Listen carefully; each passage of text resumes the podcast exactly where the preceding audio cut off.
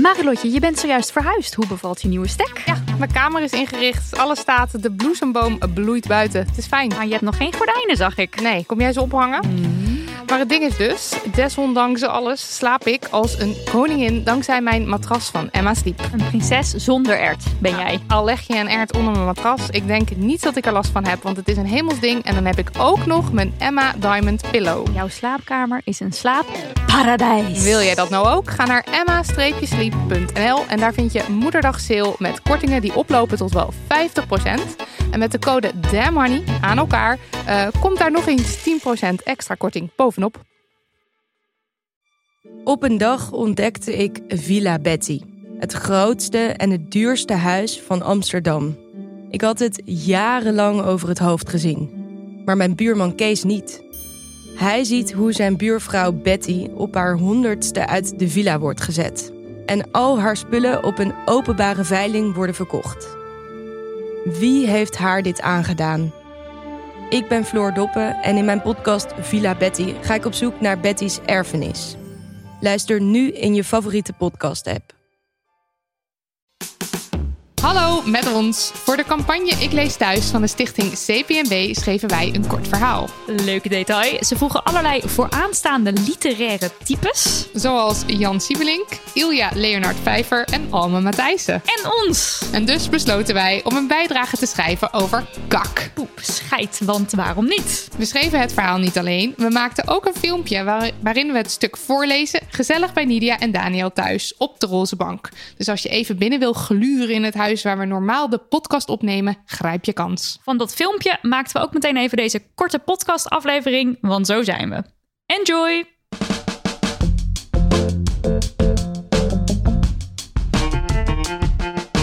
Mooie meisjes poepen niet. Marilotte is een volwassen vrouw van 29 als ze zichzelf glibberend van het zweet op een wc-bril terugvindt. Knettermisselijk en dubbel geklapt van de buikpijn. Zojuist is ze in een tempootje Tour de France van het huis van haar scharrel naar haar eigen huis gefietst. Het afscheid van de date in kwestie was kort en een tikkeltje ongemakkelijk. De zweetdruppels stonden toen al op haar bovenlip. Het monsterlijke gevaarte dat zich in haar darmen wanhopig een weg naar buiten probeerde te banen, zocht al even naar het licht aan het einde van de tunnel en de situatie was niet langer houdbaar. 24 uur eerder was er nog niets aan de hand. De date was al vroeg begonnen op een zonnig terras. Er was wijn, daarna bier, toen muziek. Er was tongen in de club en er was blijven slapen in het huis van die toch wel erg leuke vrouw. Maar ergens, vroeg in de ochtend, met het hoofd nog vol alcohol, schoten Marilottes ogen paniekerig open. Er moest worden gepoept. Wat volgde was een snelle calculatie. Aantal meter tussen haarzelf, hierna te noemen de poeper, en de date, hierna te noemen de slaper, plus aantal deuren tussen de poeper en de slaper, is kans dat de slaper geconfronteerd wordt met geluid en of stank. Eerste conclusie: er was voldoende afstand, er was voldoende deur en het huis leende zich in principe prima voor een stiekeme kaksessie. Waren het niet dat er nog rekening te houden was met talloze andere factoren. Een kleine selectie. Hoe graag wil de poeper de slaper nog eens zien? Behoorlijk graag. Of nee, maak daar maar van heel graag. Hoe anoniem kan de poeper blijven? De gay scene is klein en dat schiet dan toch door je hoofd. Hoe groot en goor zal de drol zijn? Er zijn al twee reguliere poepsessies overgeslagen. Gaat er sprake zijn van lawaai en stank? Bierkak is de ergste kak. Wat is de doortrekkracht van de betreffende pot? Moeilijk in te schatten. De eerste ontmoeting met de wc-pot was een dronken ontmoeting. En hoe groot is de kans dat de wc verstopt raakt? Klein natuurlijk, maar water dat omhoog komt en een eeuwig drijvende drol is Marilottes grootste angst. De uitkomst was onvermijdelijk. Hoe was Marilotte kidding? De uitkomst stond al vast voordat de date überhaupt begon. Dat poepen ging hier nooit of te nimmer gebeuren. En dus zat ze die ochtend met samengeknepen billen op de bank, sloeg ze de koffie af en breidde ze vroegtijdig een eind aan een date die best nog wel wat langer had mogen duren. Er zullen nu ongetwijfeld luisteraars zijn die denken: bestaat dit? Doen mensen dit zichzelf echt aan? Waarop Nidia dan zou zeggen: Oh ja, zeker. En na 24 uur vluchten naar je eigen play, I'll raise you met nog eens 24 uur. Er staan haar hele weekenden en korte vakanties bij waarin ze niet poepte. Er bestaat een foto van Nidia waarop ze glunderend naast haar eerste volgepoepte potje zit. Uit de rol steekt zelfs een vlaggetje dat haar moeder er ter aanmoediging in had geplant. Een groter contrast met Nidia's huidige poepschaamte is bijna niet te bedenken. Op vakantie is een van haar vaste strategieën een ontdekkingsrondje maken om een afgelegen toilet te spotten. Ze neemt vaak een busje reisdeo als verfrisser mee. Al is niet zo telling als een spray die dient te, poeplucht dient te verdoezelen. Het is kiezen tussen twee kwaden. Maar deze tactieken ten spijt, het gebeurt maar al te vaak dat de poorten sluiten. Of ze willen of niet. Zit de wc te dicht op medereizigers of staat de volgende te springen om haar hokje in te duiken, dan kan ze het wel vergeten. Van die camping-wc's waar een meter of twee verderop iemand staat te tanden poetsen. Of rijen festivalbezoekers zover het oog reikt. Horror. Maar de poepangst beperkt zich niet alleen tot romantische encounters of je behoefte doen op een camping. Het is dagelijkse kost. De bochten waarin we ons wringen om maar niet door de man te vallen zijn ongekend. Want de illusie der illusies willen we koste wat kost in stand houden. Mooie meisjes poepen niet. Liever kapot gaan van de buikpijn dan toegeven dat onze lijven functioneren zoals lijven dat doen. Bestaan er belangrijkere zaken binnen het feminisme dan poepangst? Wellicht. We noemen de loonkloof, dat Zwarte Piet nog altijd van de partij is met Sinterklaas, de ontoegankelijkheid van de wereld voor mensen die een rolstoel gebruiken, geweld tegen LHBTIQA-plussers, seksueel grensoverschrijdend gedrag, ongelijkwaardige representatie in de politiek, het bedrijfsleven en de media, dat, 40, dat vrouwen 60% meer kans hebben op bijwerkingen bij geneesmiddelen dan mannen. Het stigma op sekswerk, het taboe op lichaamshaar bij vrouwen, schaamte rondom menstruatie en de veroordeling van vrouwen die uitkomen voor hun zin in seks. En dan komen we pas net op stoom. Maar vervelend is die poepangst wel. We hebben vrienden die er voldoening uit halen om te kakken in de baastertijd en het daar graag over hebben tijdens etentjes. Mannen. Er schijnen speciale appgroepen Met mannen. te bestaan die enkel en alleen zijn aangemaakt om te kunnen opscheppen over de grootte van de meest recente drol. Je hebt mensen Mannen. die met een tijdschrift onder de arm richting wc vertrekken. Op kantoor. Waar collega's die ferme tred naar het toilet dag in, dag uit gadeslaan. Het mogen ondertussen duidelijk zijn. Wij zijn niet die mensen. Wij zijn wel die collega's die het met ledenogen aanzagen. Of, en, met ledenneuzen aan roken. Het wc'tje in de boekhandel waar Marilotte werkte zat pal naast de keuken waar zij smiddags haar thee stond te maken. Was het een dag waarop ze met een bepaalde collega werkte, dan was het elke keer raak. De keuken vulde zich met een geur die je niet per se met thee en koekjes associeert. Stond ze daar weg te walmen. En dat terwijl er nota bene twee wc's in deze boekhandel waren. Die ene bij het keukentje en de andere ergens achter in de winkel. Waar de geur zich zou beperken tot het assortiment luxe vulpennen. Een bepaalde collega voelde zich blijkbaar zo vrij van schaamte dat het niet eens in hem opkwam na te denken over zijn poeplocatie. Op Nidia's kantoor grensde de wc direct aan de ruimte waar zij aan het werk was. Er stond nog net een tussenschotje, maar geur en geluid vonden altijd wel een weg. Dit was blijkbaar geen reden voor de vaste poepgangers om de ontlastingsrituelen naar huis te verplaatsen. Nu is poepgeur rondom je thee of in je werkruimte natuurlijk geen feest, maar dat we met enige afkeur naar de dagelijkse route de toilet van onze collega's keken, zat hem toch vooral in de jaloezie. God, wat lijkt het ons heerlijk om een persoon met scheid te zijn. Jarenlang vulde Nidia's ochtendritueel zich met stress en gedoe. Koffie drinken, hopen dat er iets in gang werd gezet voordat ze de deur uit moest, wellicht nog wat jumping jacks en warm water. Mocht dit alles geen optimaal resultaat boeken, dan was het een dag lang ademhalingsoefeningen doen om door de buikpijn heen te komen, terwijl ze casual een gesprek op gang probeerde te houden.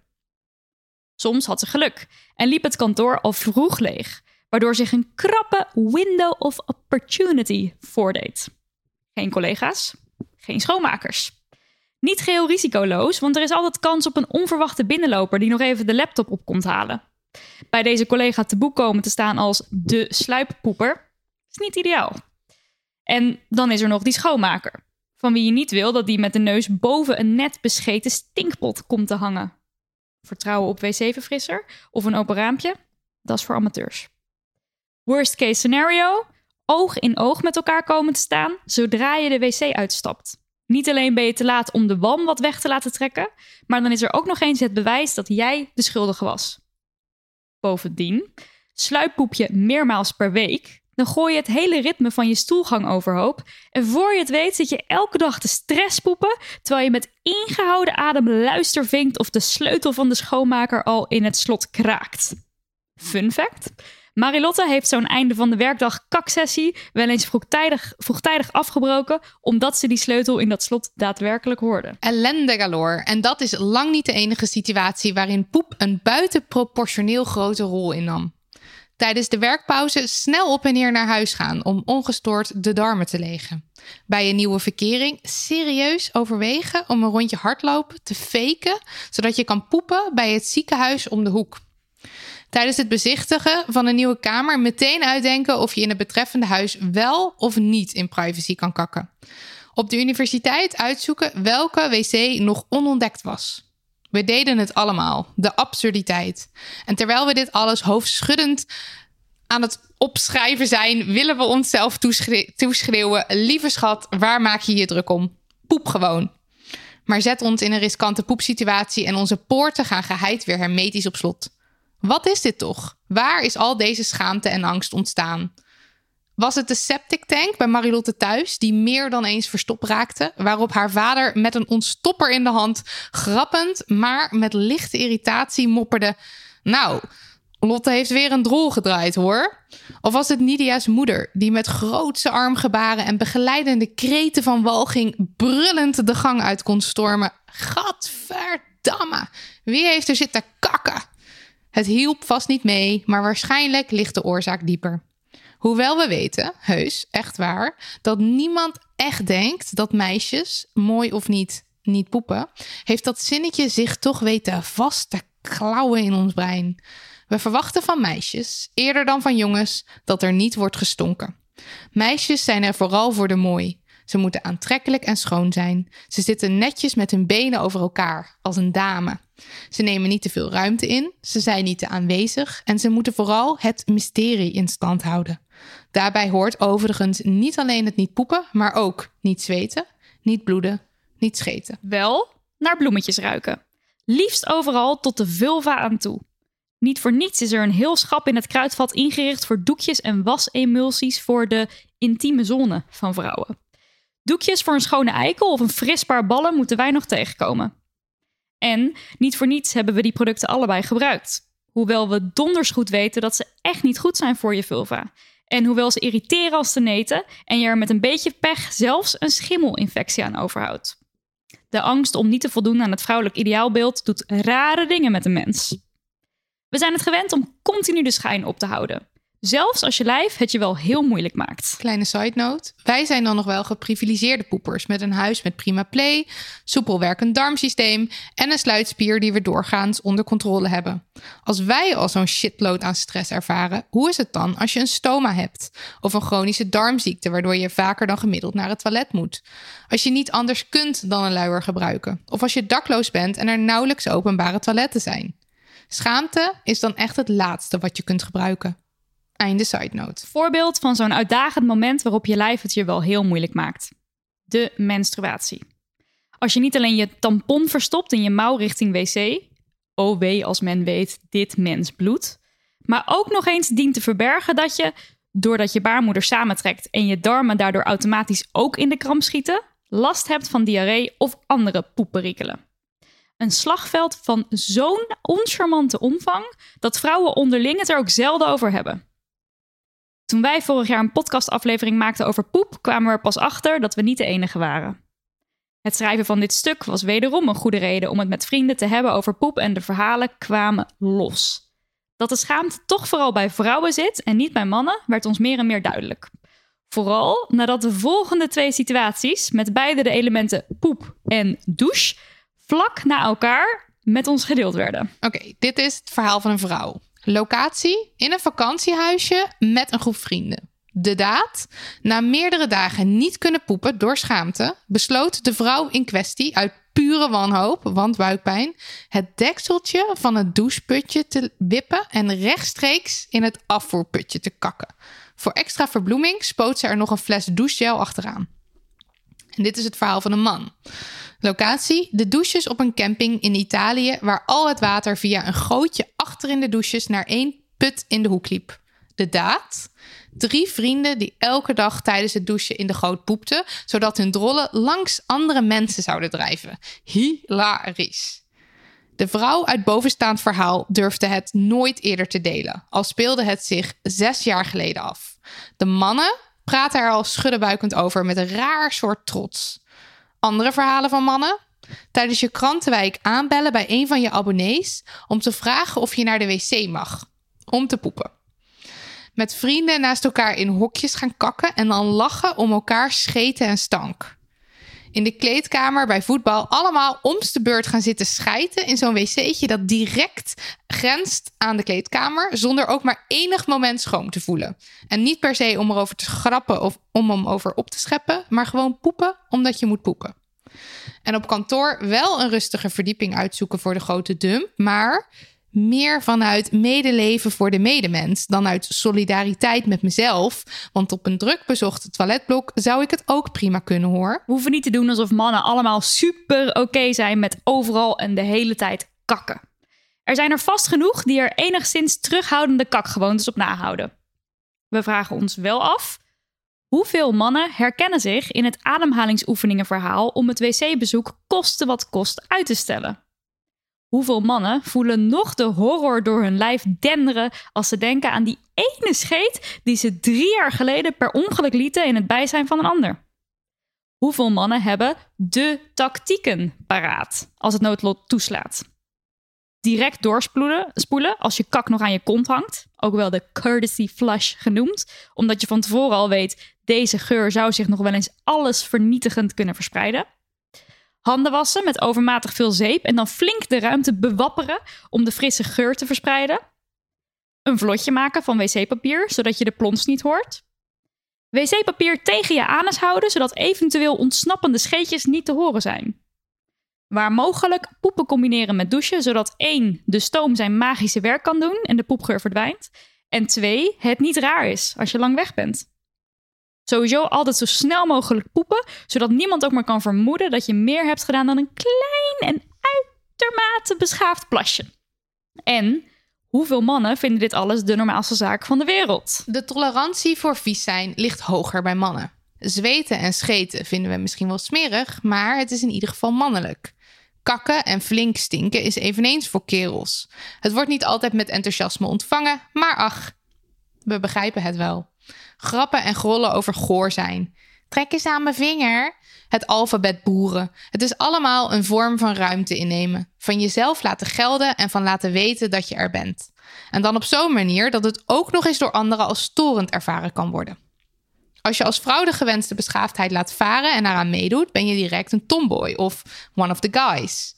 Gewoon vrouw zijn en scheten valt moeilijk te rijmen. Knap lullig hoe we menselijke functies toewijzen aan enkel voor mannen. Hoe hebben ze dit voor elkaar gekregen en onder wiens bureautje moeten we kruipen om ervoor te zorgen dat deze functies iedereen toebehoren? Ja, poep stinkt. Ja, poep is onsmakelijk. Dit is geen pleidooi om alles maar te bekakken wat los en vast zit. En alsjeblieft, lieve mensen, laat een toilet netjes achter. Die courtesy flush is af en toe zo gek nog niet. Maar wat zou het fijn zijn als er wat meer openheid komt over het feit dat we allemaal poepen, zweten, scheten, stinken en, in het geval van mensen met een baarmoeder, vaak ook nog bloeden. Binnen de grenzen van de redelijkheid dan, hè? Kijk, een one-night stand hoeft niet met de deur open te gaan zitten schijten. Maar het zou prima zijn als diegene zou zeggen: luister, ik vind het vet gezellig. Ik wil niet weg, maar ik moet echt even poepen. Wat een opluchting zou dat zijn. Die andere is ook maar een mens. Weg met de schaamte, weg met de buikpijn, weg met het zweet op de bovenlip ontstaan door pure poeppaniek. Praat eens wat vaker over poep. Snij het onderwerp aan op kantoor, tijdens de borrel, op een housewarming. En dan dus niet met een dichtgeknepen neus tegen je collega roddel mompelen. Oh my god, een bepaalde collega heeft weer gekakt. Marilotte kan bevestigen, nog ontkennen dat ze zich hier schuldig aan heeft gemaakt. Maar gewoon kunnen zeggen: hey, ik ga even poepen. Ik doe even deze deur dicht. Appen. En wat later, drol-emoticon. Aankondigen. Wil wel seksen, maar moet eerst even poepen en douchen. Joe. Onze levens zijn er in ieder geval enorm op vooruit gegaan. Goed, we zullen het niet snel als gespreksonderwerp op tafel leggen in een zakelijke meeting of bij iemand op wie we graag indruk willen maken. Maar wie weet dat het ooit nog zover mag komen. A girl can dream. Meer korte verhalen van de Ik Lees Thuis campagne lezen. Onder andere Splinter Chabot, Bab Schons, Teske de Schepper en Alma Matthijssen schreven ook een kort verhaal. Je vindt ze op hebban.nl slash ik lees thuis streepje korte verhalen. Kussens, bedden, matrassen, beddengoed. Emma Sleep heeft het allemaal. Ga naar emma-sleep.nl om van jouw slaapkamer een slaapparadijs te maken. Er is nu moederdag sale gaande met kortingen die oplopen tot wel 50%. Gebruik de code DAMHONEY voor nog eens 10% korting daarbovenop.